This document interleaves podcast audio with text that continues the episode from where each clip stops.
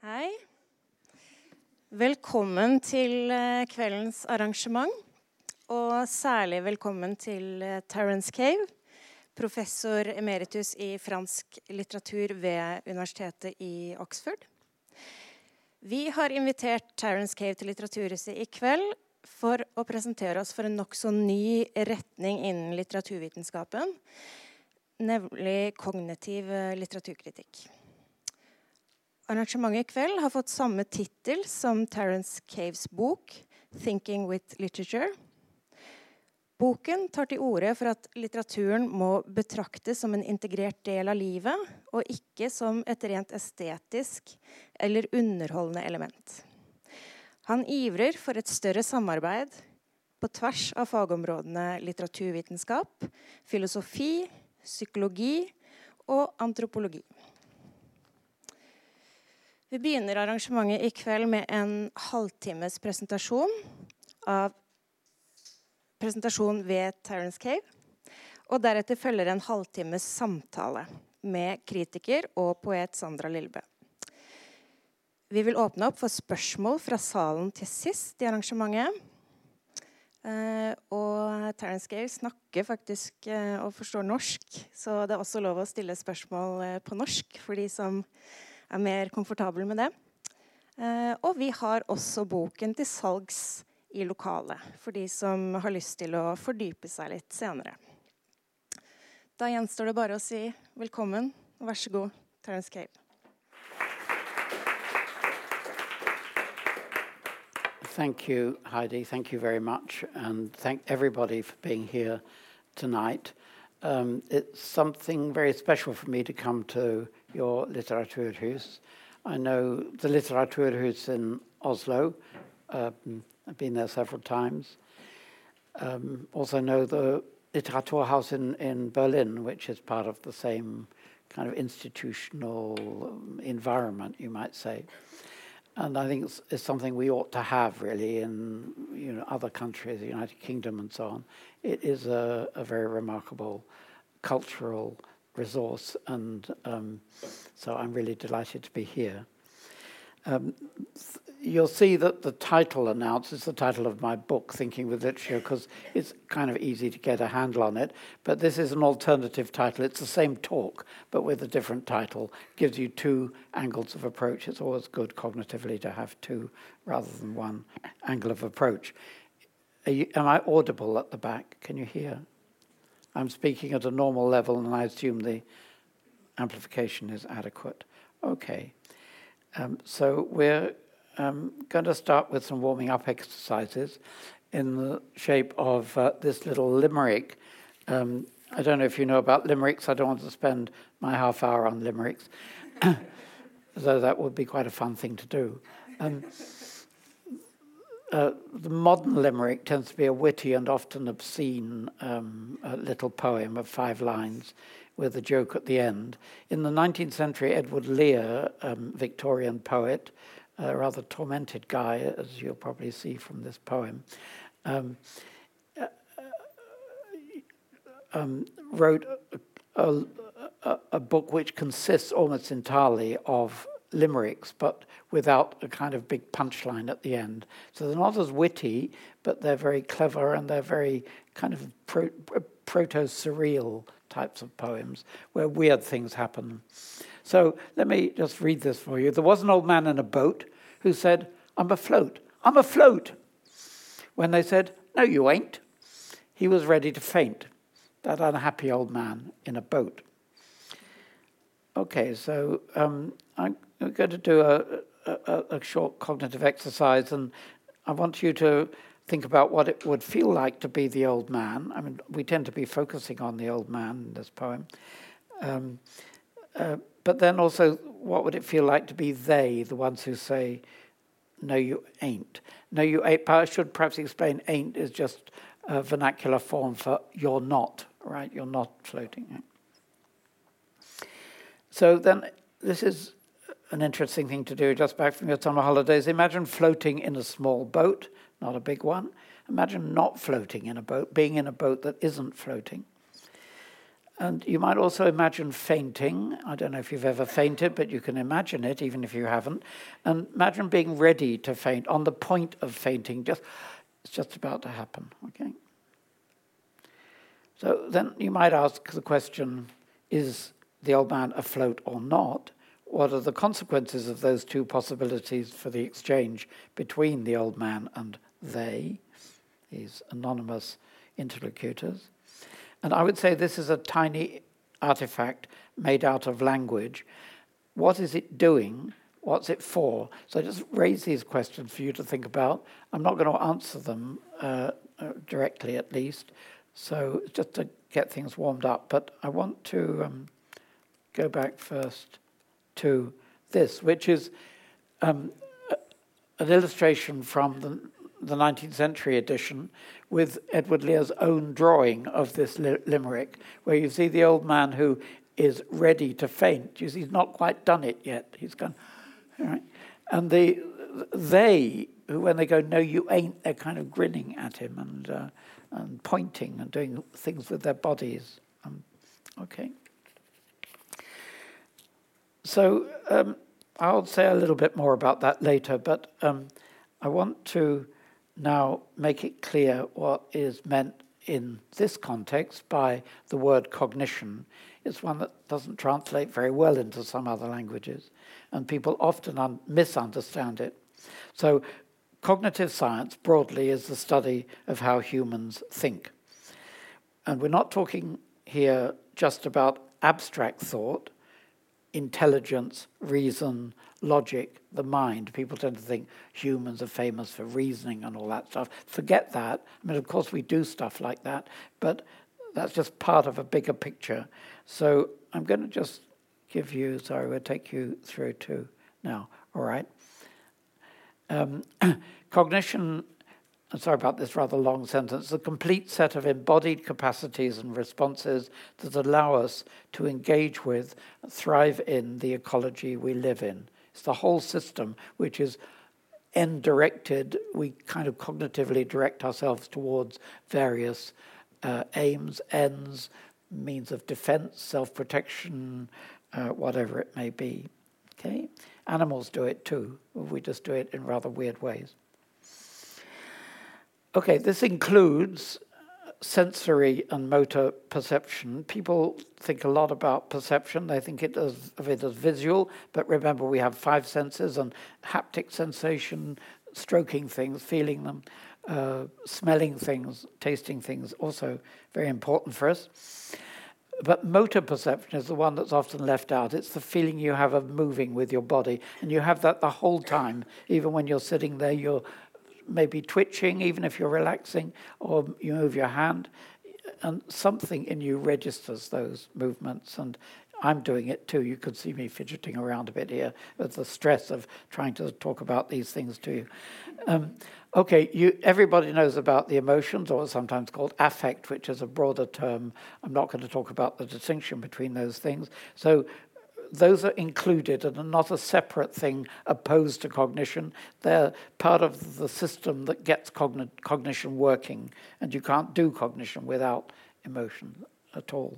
Um, so, I mean, you can think of, if you like, what's called epistemic emotions like curiosity um, or wonder, which tend to be connected with what feels like kind of that abstract type of thought we do, but it's better to forget the expression abstract thought because no thought is fully abstract. It's always embodied, is the theory here. So that's why the word embodied is right there at the front in that definition. Memory and imagination will be obvious. But all these words, by the way, are old fashioned words. They've been around a very long time. We think they're kind of separate things, but they're not. It's becoming clear they're just aspects of a single integrated system with certain specialized parts, certainly. But there isn't a place which is the imagination in your head and not just one place where mem- memory operates. Say more about that later if there's time, but probably there won't be. Um,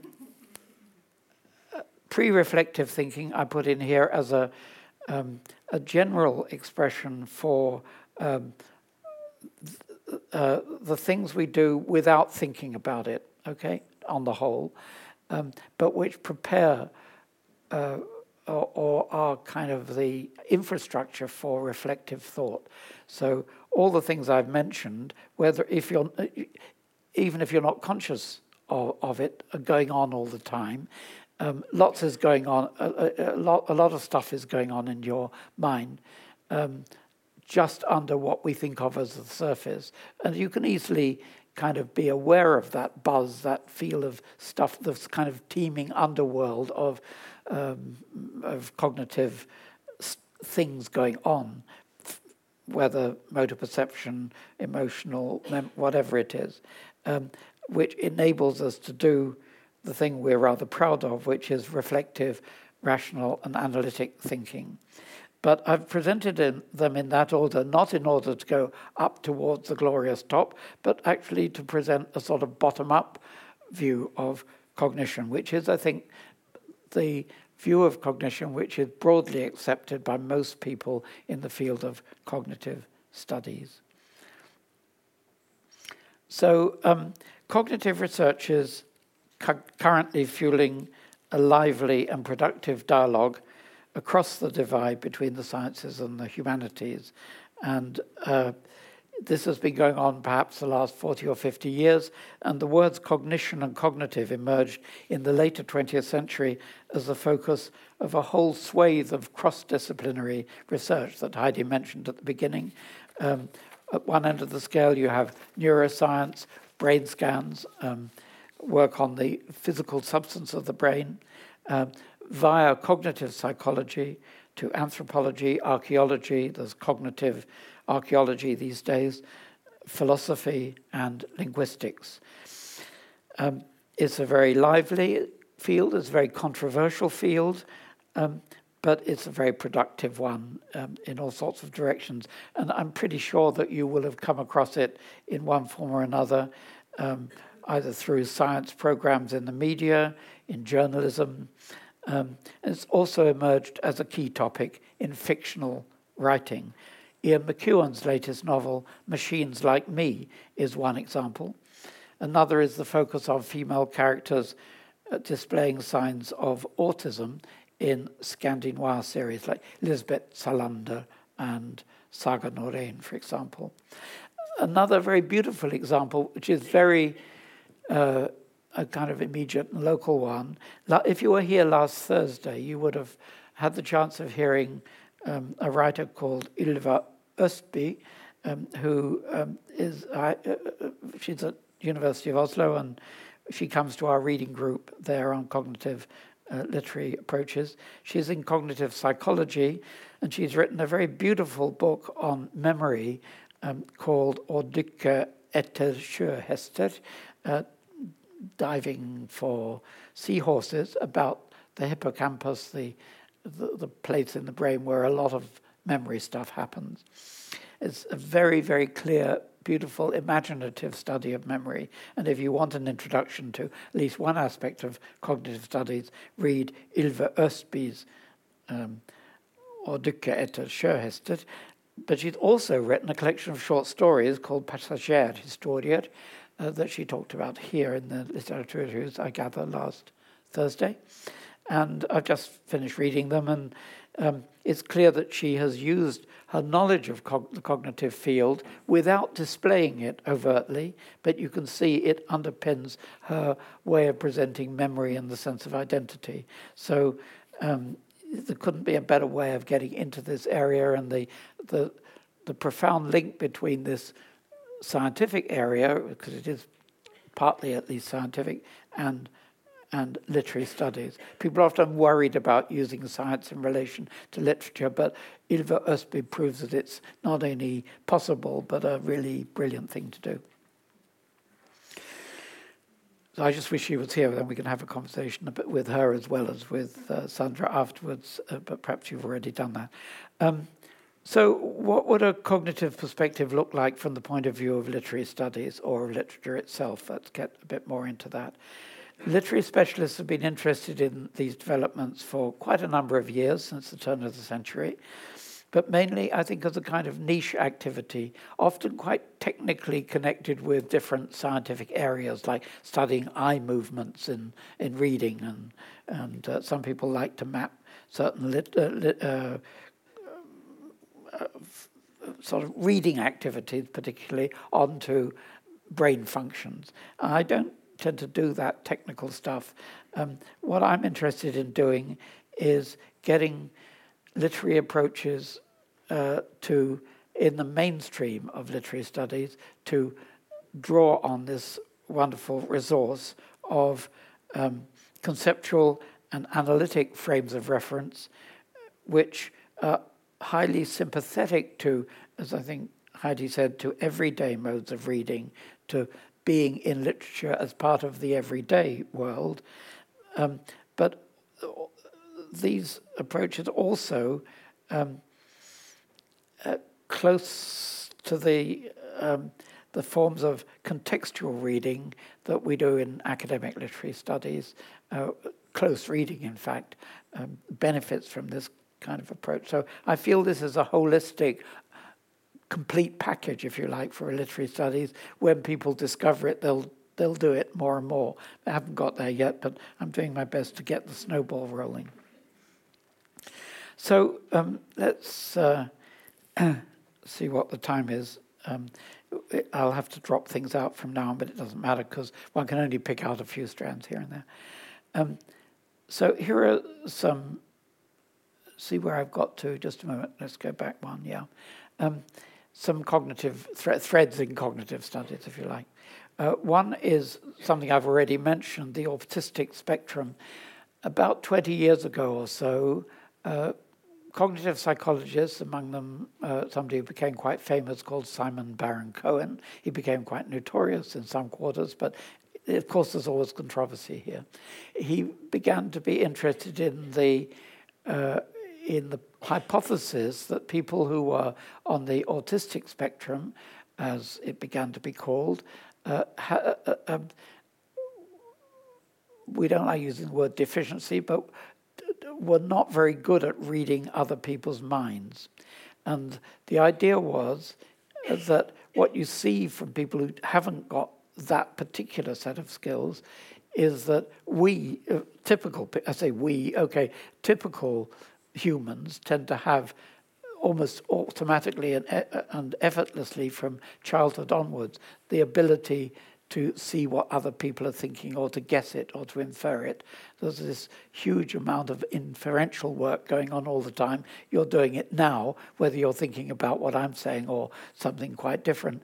You, you can't have perception or any kind of thinking without inference because we only get anything from the world in part and in fragments. So you get little bits of stuff, and the, the brain picks it up and does stuff with it, fills it out, makes things happen. All right? So, studying people on the autistic spectrum who appeared not to be so good at doing that kind of thing, they have other skills.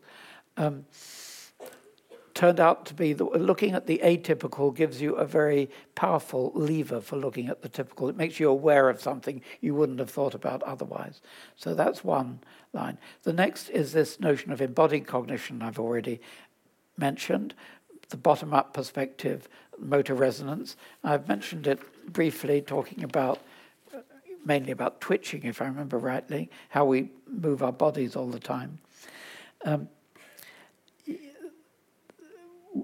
what seems to be going on here, and there's quite a lot of experimental evidence coming from neuroscience, is that when somebody, it might be a primate, by the way, or another animal, sees another creature performing a salient action, one that seems important, um, the motor neurons in your own system uh, for that type of action get switched on.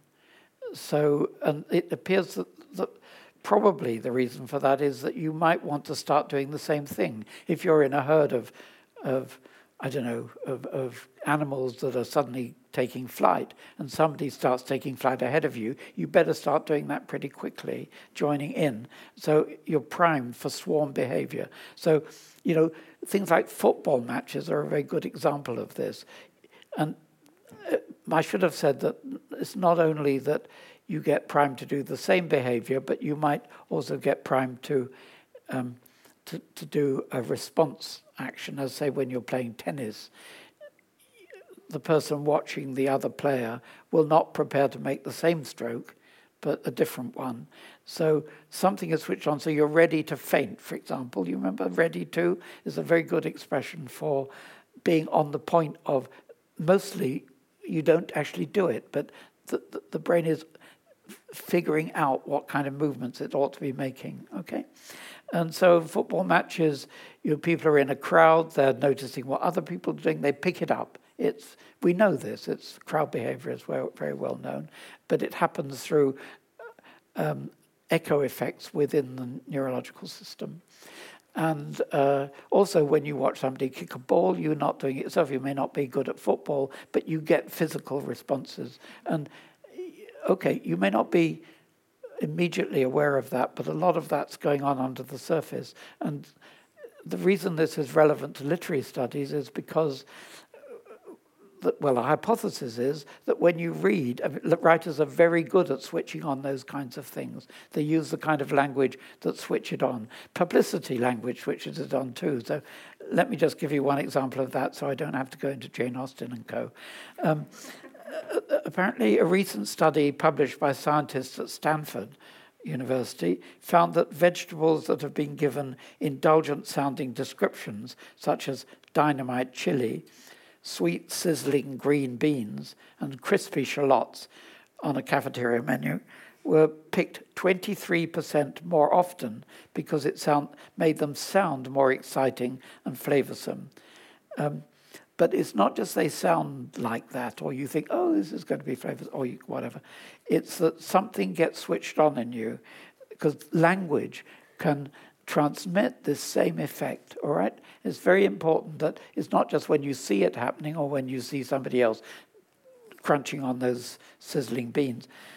It, it, when you hear it described, the same effect happens. So language instantly is, is a means of transmission.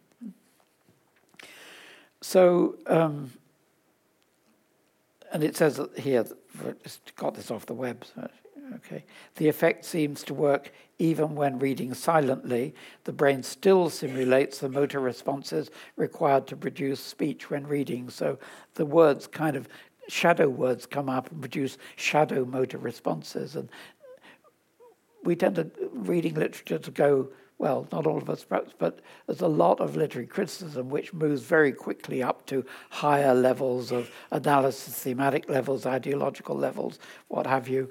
And um, the idea here is to take us back down to where it all starts and what actually motivates that system and makes it vibrate. Um, and you know, if you've read Proust, you're in French preferably, but in a good English translation, that's why translation is so difficult because things like this are so important. You'll see what I mean. Proust is absolutely wonderful at creating that effect, and of course, that's what his novel is about. Is about you know switching on sensations and how they switch on the whole system and make you construct a whole life out of that. Okay, so uh, now it's I've got three minutes, so I'm only going to say uh, talk about one thing: distributed cognition, um, thinking with things, and here this comes out of certain kinds of cognitive philosophy, but also archaeology and anthropology. It's another aspect of the way um, in which uh, cognition is embodied.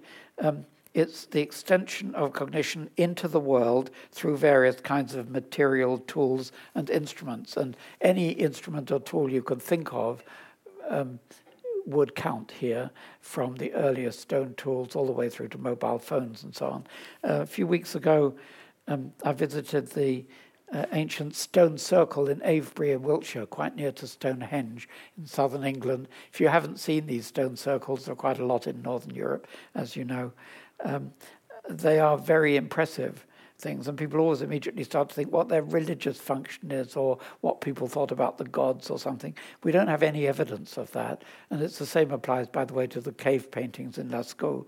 What you do know from those things is that people thought about space and time by using these extraordinary objects where they were trying to capture in a permanent kind of form some of the structures of space and time and think with those things. It seems to me that is the fundamental reason for those. And then you get higher levels of religious or mythical or whatever interpretation beyond them. So that's a very brief uh, uh, view of what distributed cognition is, but um, you could see that you could extend it to literature. Literary artifacts, I would call the little poem we looked at a minute, a tiny literary art, a cognitive artifact, uh, which um, is a, a, thing to think with in various ways. Um, you can get various sorts of thought out of it, but it is quite beautifully designed and shaped so that it makes you perform certain actions of the kind I described at the beginning. And so um, one minute, okay. Uh, well, I was going to say a few other things, but I've got to there. Keynote questions. How can literary studies contribute to the cognitive conversation? That's a complete interdisciplinary conversation uh, because people talk to each other all the time across that range and they love talking about it. You know, uh, I've had wonderful conversations with neuroscientists and cognitive psychologists. I don't understand half of what they do, but enough to see where it might lead to in my own subject. Um, how can interdisciplinary cognitive work suggest new ways of reading literature? Well, I've given a few leads. What happens if we take seriously the idea of literature as a mode of cognition or thought? And I think one of the things that would happen is that it's no longer a marginal aesthetic activity that we do for entertainment or fun or that's brushed aside. You know, philosophy always claims to be the serious kind of thought. Literature is right up there in the front as the prime mode in, by which humans think con- in a connected, interconnected way, not in kind of mm, I was going to say artificially refined ways, but that I shouldn't use those uh, negative terms. We can we have lots of instruments to think with, and lit- literature in all its forms is one of them. And so, what kinds of practice, what kinds of thinking with literature would emerge from that perspective? Thank you. Uh,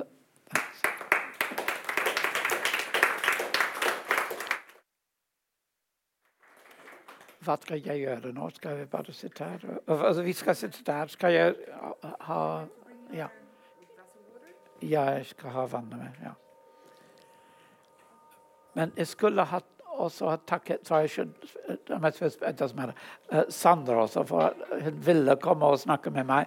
Det er eh, en stor ære for meg at noen som skriver dikt, vil komme og, og, og snakke om de tingene. Jeg, jeg har uh, faktisk, hvis jeg kan finne den, ja, uh, et par sitater fra hennes dikt. I like particularly on page 33 Jeg snakker med mamma i en arabisk telefon. Dette diktet er en arabisk telefon. It's a beautiful little poem, uh, which is part of a long kind of narrative poem but it has some of the qualities of the Edward Lear thing. That the you know is an everyday scene, but it's a different defamiliarized. They used to say, but I'm trying to drop those old words now. Um, and mamma har begynt att skriva till mig på en språk, ett språk it must be, yes, I, på språk jag icke förstår. Yeah. okay. So I'm sorry, don't need to give the little quotations. beautiful, much, beautiful uh, poem, a beautiful book, I should say. It's not well, just one. Yeah. Well, thank you very much, Terence, and um, thank you for this really interesting talk, um, and thank you for being here. Uh, and thank you in advance for your patience with my questions that are well, not always uh, pertinent, I uh, must admit, maybe, on this issue uh, that I find really uh, complicated.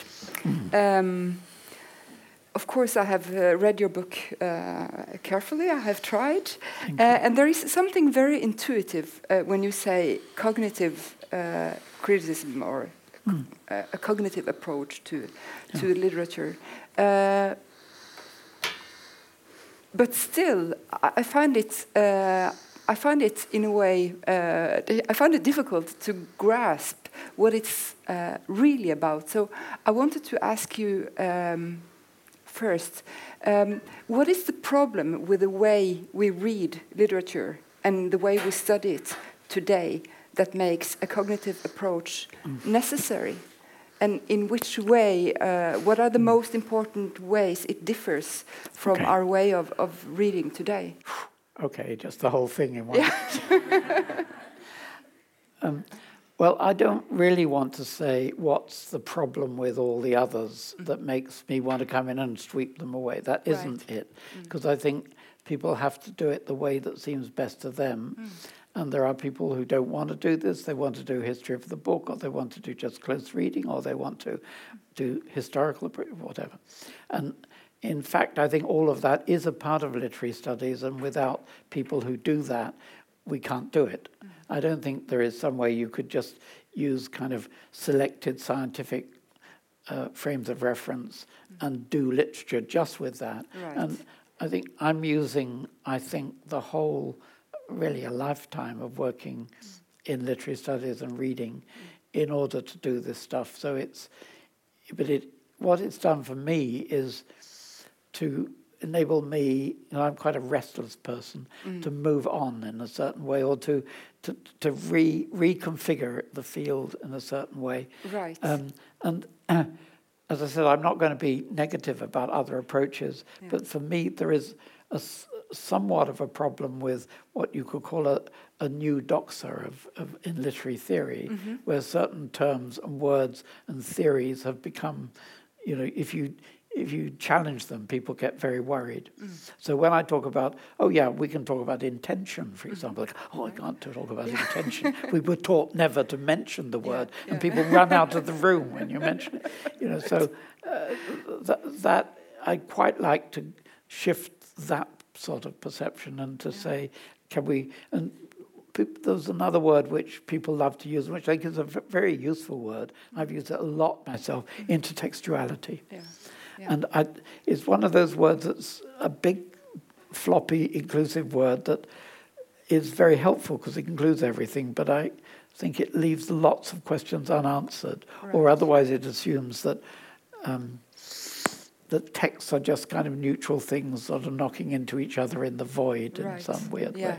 So, uh, you asked about problems. I said I wouldn't talk about them, but for me, I want to kind of reconfigure, refresh my view of literature while keeping the things I value in literature yes. still present. Mm-hmm. And I do think that these approaches are quite easy uh, to transmit if you get a bit of have a bit of time. Yeah. For example, to literature students. Um, and to get them interested in it from that mm-hmm. perspective, mm-hmm. yeah. rather than telling them they've got to learn lots of kind of theory or yeah. whatever first, or do lots of historical work, you do have to do a lot of grind and you need to know things about theory. It's good to do that. But it is, you know, I kind of feel times we're moving into the deep into the 21st century. We've got a whole new set of problems. Yeah. And th- this seemed to give some basis for a, a, a possible uh, new of course, there are people like Toril Moi and, yeah. and Rita Felski who are mm-hmm. also feeling restless in this way. Yeah. And I think they're doing very interesting stuff, but that's another. Yeah. Sorry, I spent uh, a long time. No, it's no, a big, no, a big no, question. Uh, it, it, was a big question, so it, mm. yeah. Um, uh, you said in your talk that you can't think without emotion, uh, yeah. and you can't oh, yeah. think without a body. Uh, yeah. Can you talk a little bit, say a little bit about more uh, about the importance of the relation between body and literature? Uh, yes, but uh, there are lots of kinds of relation between mm. body and literature. One of them operates at the level I was talking about with what is the word that's most often used now is kinesic.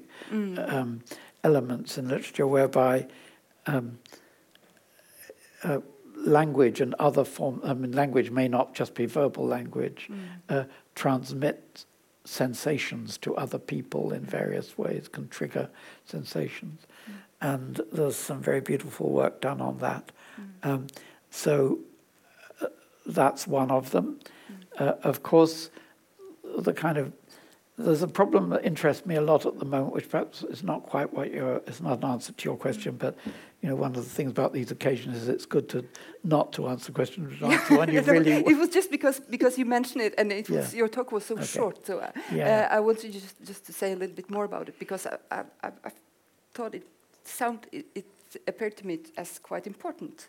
Yeah, it's, yeah. it's crucial because yeah. I do think it's a mistake to think that at any point we think completely abstractly. You yeah. can have examples like would the number 6,253,110 be right. purely abstract? Yeah. And I think when I say that, there's a whole lot of buzzing of lots of stuff, you yeah. know, going on there. I actually do feel it in the semi physical way. And, uh, you know, there are billions of neurons in the brain and they're all buzzing around too. And the number there is actually something that actually has a physical presence of a certain sort. Mm. Uh, so abstraction is, uh, some people don't like this view of it, but I think we ought to get rid of the word abstraction. The word abstract yeah. just means pulled you take out a lot of stuff and yeah. try to leave something that's pure yeah. but there is uh, okay yeah so um, what the one i was going to mention is just you know i think literary works, and I use that phrase you know, to refer to these things that we talk about, poems or whatever, um, are cognitive artifacts. They're clearly produced by human cognition, and they're artifacts in the way that you know a musical work or a painting or something. Mm. We tend to put them in the same compartment, even yeah. in our view of the world. Yeah. But it's quite difficult to say what the cognitive artifact that is literature is. A poem. Um, people want to say where is it, and uh, and then they start talking about books, but the book doesn't cut it completely because you know you can have it on the screen as well, yeah. and you and I can. You don't have to have that. I can just say it. You can speak your poems. Mm. Do you know Alice Oswald's poetry by any I chance? haven't read. No, yeah, yeah. but listen to her if you can. She is right. beautiful. She reads her poems very well. So the performance poetry people know about. So uh, and people say, well, where there isn't an artifact, but there, there is something that is iterated, that is carried on, repeated, and it's the nature of this artifact to be pliable, plastic, to bend itself, to conform itself to other mindsets and other contexts and so on. Very good at doing that without totally changing. Yeah. It's a very curious creature, yeah. this artifact. Um, if you ask yourself, let's say, uh, a dinner might be a, an artifact too. So it, was, it might be your your mother making the dinner, the one with the Arabic telephone, um, or it might be a famous chef or something. But yeah. They put in front of you a plate of something, mm-hmm. and it is a constructed thing which has importance in human life, which is not just mm-hmm. I want to eat. You know, there is yeah. a whole. So, there's lots of context and stuff as well, yeah. as we know. So, you know, where is the artifact, and it gets consumed as you, you know, so artifacts have very different sorts of natural lives. Some of them disappear when you consume them, but a script remains for the for the dish. So you can reconstruct it just as if you've got a score for a, a symphony, yeah. you can play it with a different set of instruments, yeah. etc. Yeah. So, and all of those are kind of temporary bodies that the that the, in order to have a body, the, the artifact inhabits those. Yes. So we talk about the body there too in the end. Exactly. Uh, another very big question. You you have you've written in in this book, Thinking with Literature. You have uh, written a manifesto for oh a cognitive yes. approach. Yes, that was yeah. a long time ago. Uh, and in that manifesto, you write that thinking with literature has strong and ethical implications. Yeah. In what way ethical? Well, it, I mean, I think that I wanted to make it clear that this is not meant to be an approach that would be, in some sense, clinically detached from the world of human life, right. politics, ethics, and so on. That, of course, the way we think is bound up with all the things our minds and bodies do, and therefore automatically with the kind of ethical, whatever political dispositions that mm-hmm. we may have. And so um, we're bound to end up talking about those things, but I would not begin with the ideologies or the politics or the ethics and say, right. how do we fit literature into those scripts? but rather the other way round. So, for example, with the old man and the boat, what I think is going on there, among other things, as I said, I think Lear was a quite conflicted character. But you know, you you think that's old-fashioned biographical criticism, but you know, okay, there are conflicted poets around, as we probably know. Um, uh, what he imagines is um, a scene where uh, this and it, it, he's old, you know, and the old are often thought to be slightly foolish or mm. doing something silly. And these rather neat young younger men standing mm. there, and they're making fun of him. Mm. They're either making fun of him because his boat is actually on the land, mm. and he's not floating, and he's in some kind of delusional state, yeah. or going. Perhaps he's got dementia or something, and is imagining that he's floating, or whatever it is. Um, or otherwise, he is floating and they are needling him, you know, say, you're not a real boat, you know. So um, there is what a phenomenon that in cognitive psychology it's called cognitive dissonance, where a set of beliefs you have, he believes he's afloat. So he says, I'm afloat, I'm afloat, as if he's afraid he'll be challenged, and they challenge it. You, you get challenged. Now, this happens with the whole Brexit debate is about this, you know, where Explain. People, well, people hold beliefs with yeah. in great intensity and firmness as if there is no alternative. And then somebody comes and challenges it from either side, and people get very upset. So then there are pr- mechanisms for mitigating and so on. Now, in this case, there are no there's no room for the mitigation in that scene. But we, as readers, I think, are invited to come in and see what's going on and think about it. And that is a very mm, powerful thing to do, I yeah. think, for a writer in such a tiny compass in mm. what is called a nonsense poem that mostly children will read. Yeah. But always be suspicious when people say things like that. Right. That's where yeah. the important things happen.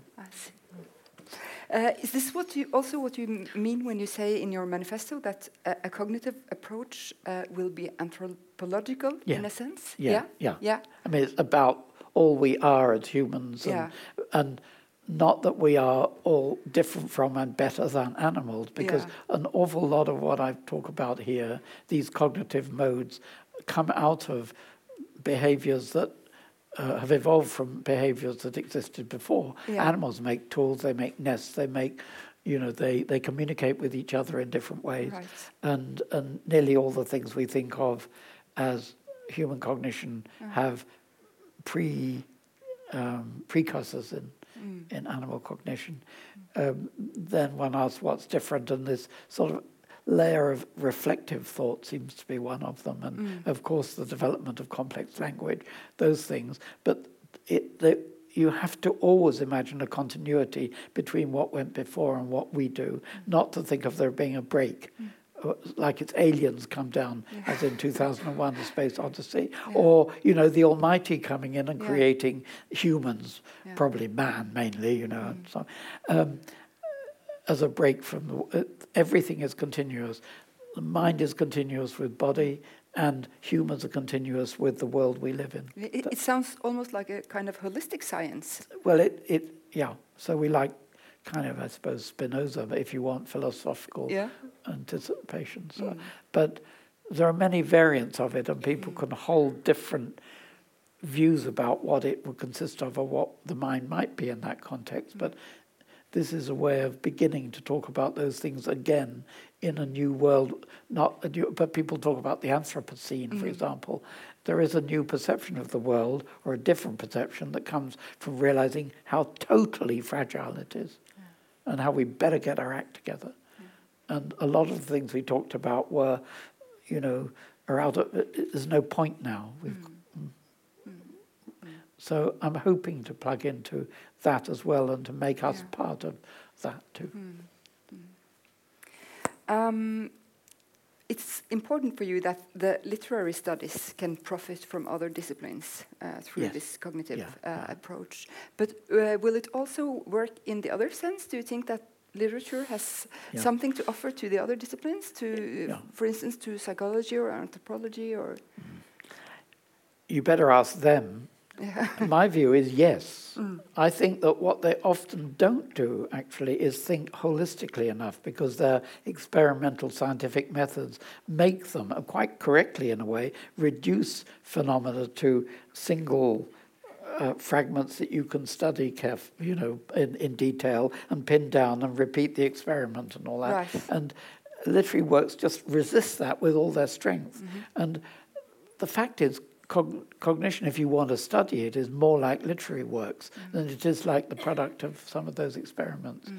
So yes, we could draw on what they do, but I'm, I do somewhat badger my colleagues to say, look, it's okay. To, I, I know I'm not experimental and I don't have full, what they call high quality evidence for Yeah. the thing, as I'd say. Somebody I psychologist I knew mentioned used this expression. I said we have evidence, lots of evidence, but that's kind of historical evidence, mm-hmm. textual evidence. It's not high quality evidence. Yeah. He means you know that repeatable scientific stuff, mm-hmm. which is good. It's brilliant. We have to have it. You know, amazing things you can find out, but there are amazing things you can't find out. Mm. So what I'm trying to do is make them keep thinking about the mm, what happens when you put it all together, and uh, it's very hard to do that and talk. Yeah. Uh, but so w- I do try and engineer conversations in which that happens, and throw the ball back to them. Um, what implications would a cognitive approach have for a concept, uh, for the understanding of literary quality?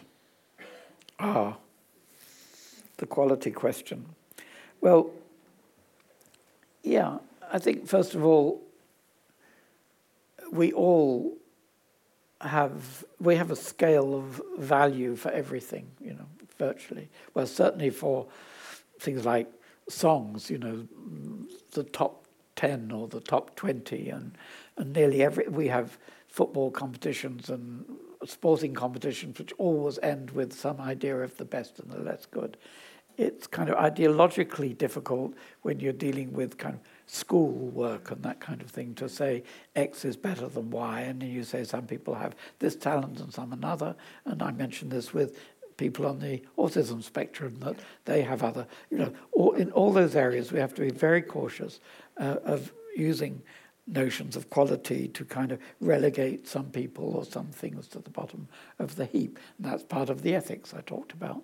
However, we do make those calculations, and I think, you know, if I tried to write a novel that's in some way like Proust's À la recherche du temps perdu, which I mentioned, it would be a total disaster and everybody would know it was. I mean, I don't think, you know, or if I wrote, I, mean, I think there was a time in my life I might have managed to write, say, a piano sonata of a kind. I mean, terrible, absolutely terrible, uh, very boring.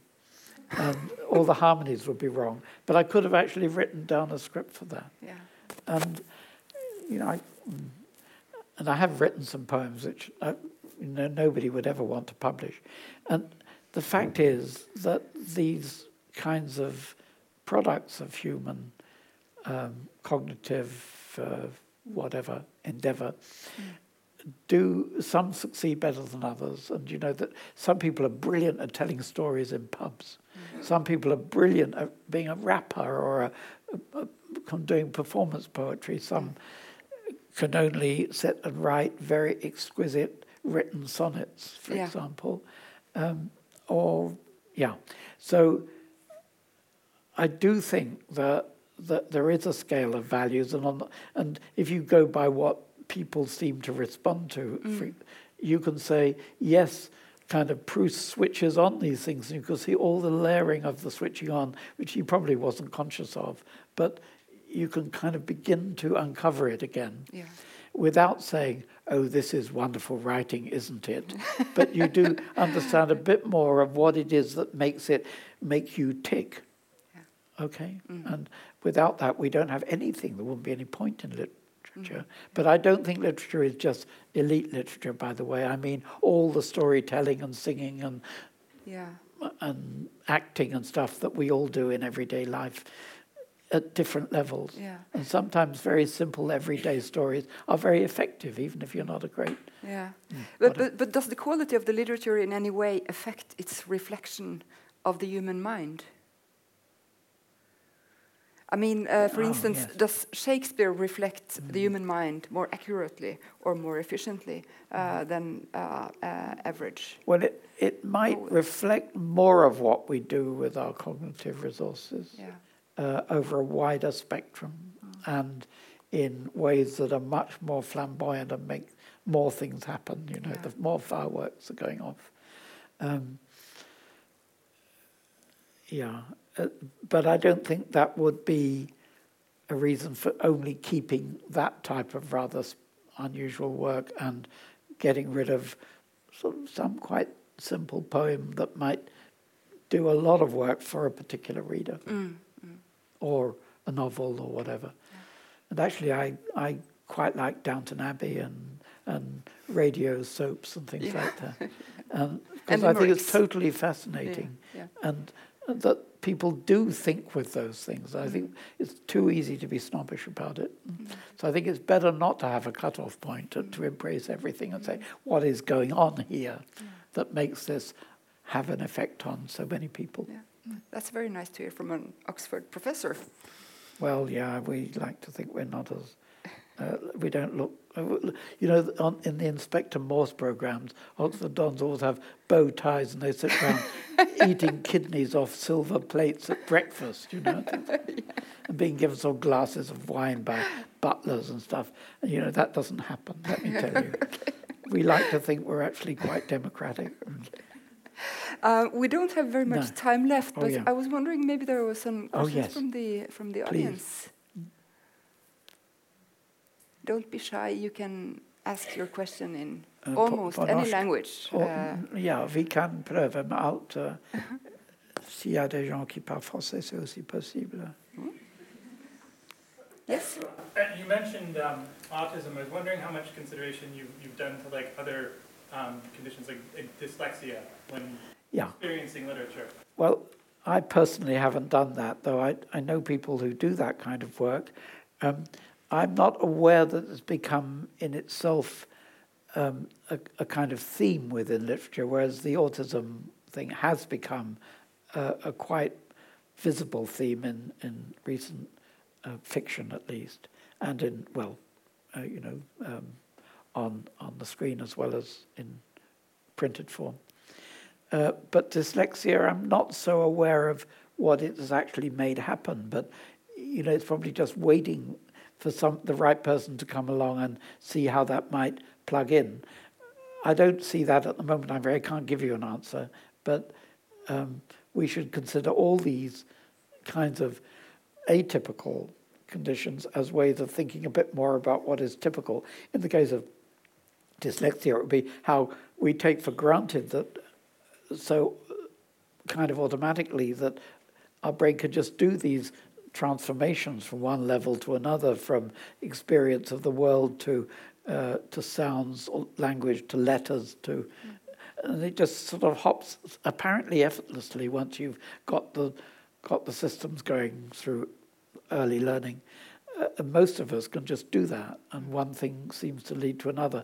I would suspect that people with dyslexia have some problems with that motor neuron thing that I talked about because the, you know, the, the physical configuration of the word would be less, to use a, a metaphor, transparent. But I, I can't actually answer it with any technical knowledge, I'm afraid. Uh, yes, the man with the glasses. Yes. Um, could you mention like some novels, I think mostly of modern novels, but maybe others, that um, represent thinking or maybe even uh, enact thinking in the in the narrative, so so that the novels are about thought, about cognition, um, in the various ways that you described. Um, yeah. Any novels that are particularly good at that that, that you could name? Uh, Well, I think I mentioned um, Ian McEwan, who's somebody yes. who does a lot of thinking. yeah. And I mentioned Proust, who's a bit older. Uh, and another favourite of mine is Peter Carey, who certainly thinks a lot about, you know, the, the notion of the fake and the all kinds of other things. Indeed, uh, Coetzee is somebody who does it too in a d- different way.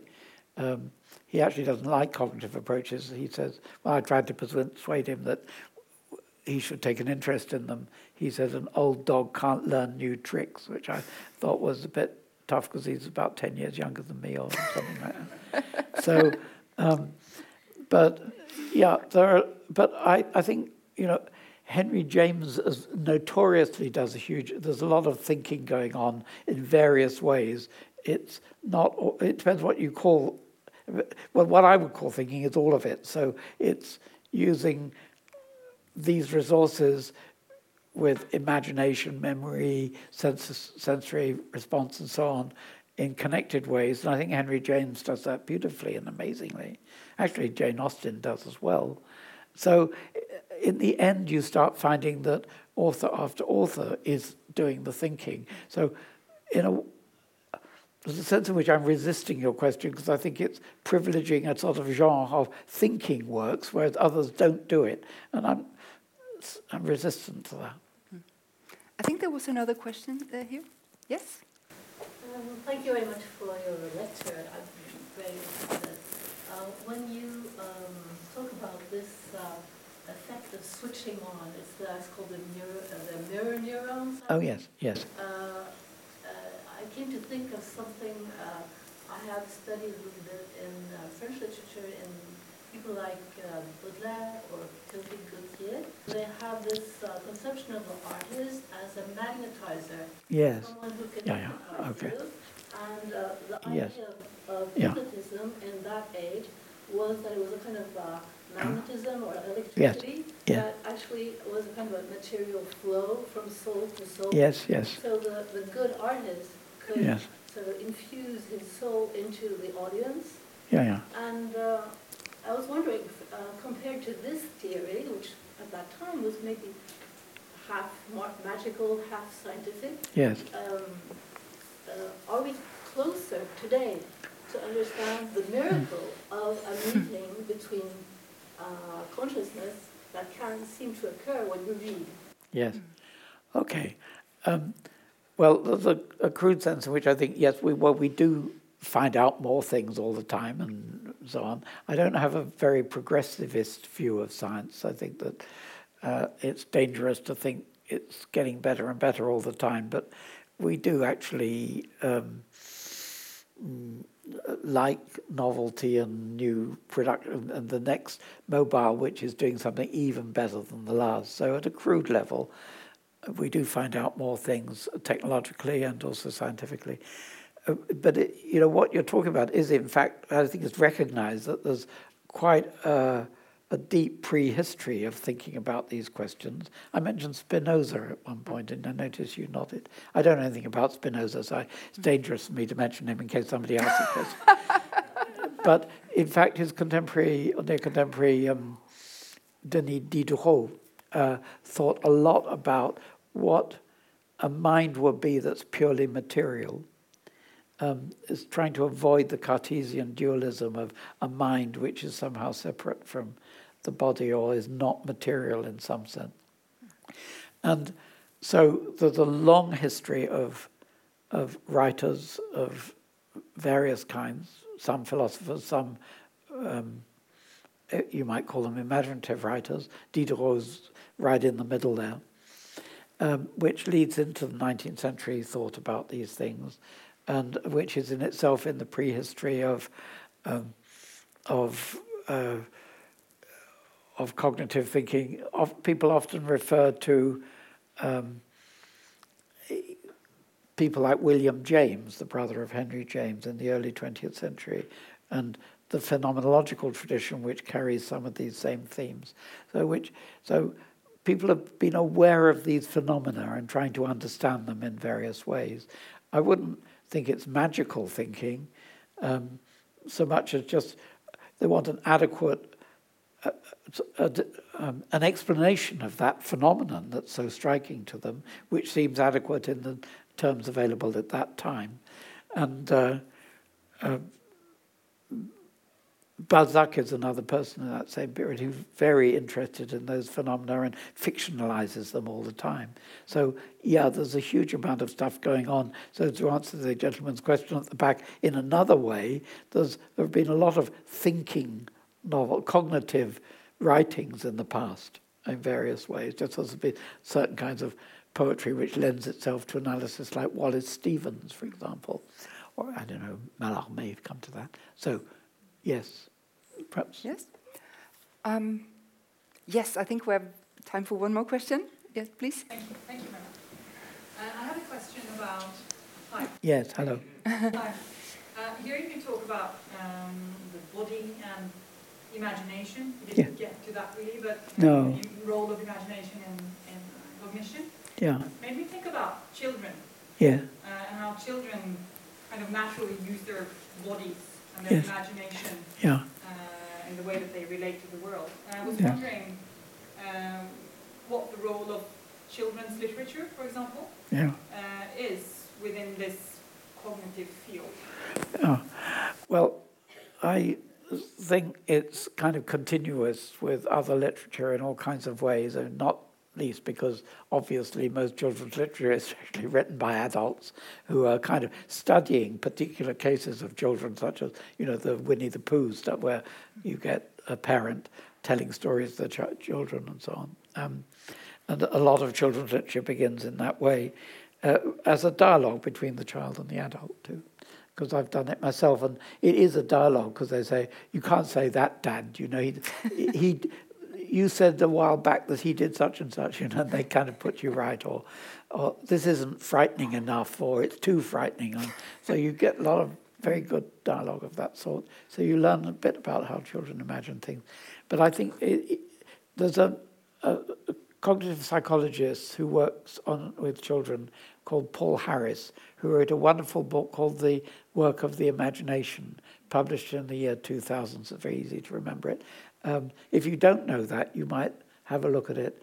It's, I don't think he deals with children's literature as such, but um, he has some very important things to say, which I refer to, in fact, in, in thinking with literature, because it, I mean, at the base here is the idea that um, children's imagination, often called fantasy, as if they had rather confused minds in the past, uh, actually a stage by which children learn to think at a more, as a sophisticated level and it, it, enables them to move on to more analytic forms of thought later, which depend on the ability to imagine alternatives to whatever the case may be in the world. And that, that is the fundamental thing that appar- apparently humans can do that animals can't do, really, which is to imagine whole series of alternatives of things that don't exist in the real world, counterfactuals, compare them and then think, oh, well, we might try that next time and put them together in interesting ways. And children learn to do that very early through play.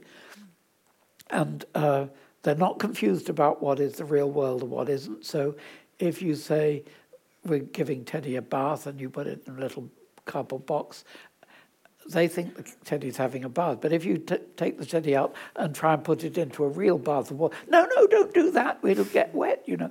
Uh, they know perfectly well what the difference is between, they have these filters which clearly go deep in the cognitive system so that we can think of alternatives yet are not confused about uh, the relation between those things and the, and, uh, and the real world. So you need to go through that stage before you get to reason at all. Um, and indeed, most of reason is a kind of rationalization of those possibilities. So, um, okay. It's best I could do in a short space of time. yeah, unfortunately, I think our yeah. time is up. Uh, but thank you very much, Terence Cave, for uh, being here. And uh, thank you to the audience. I remind you that the book is for sale here uh, in, this, uh, in the back of the room. And the next one will be out probably in two years' time. Sequel. Looking forward to so, it. So, yeah.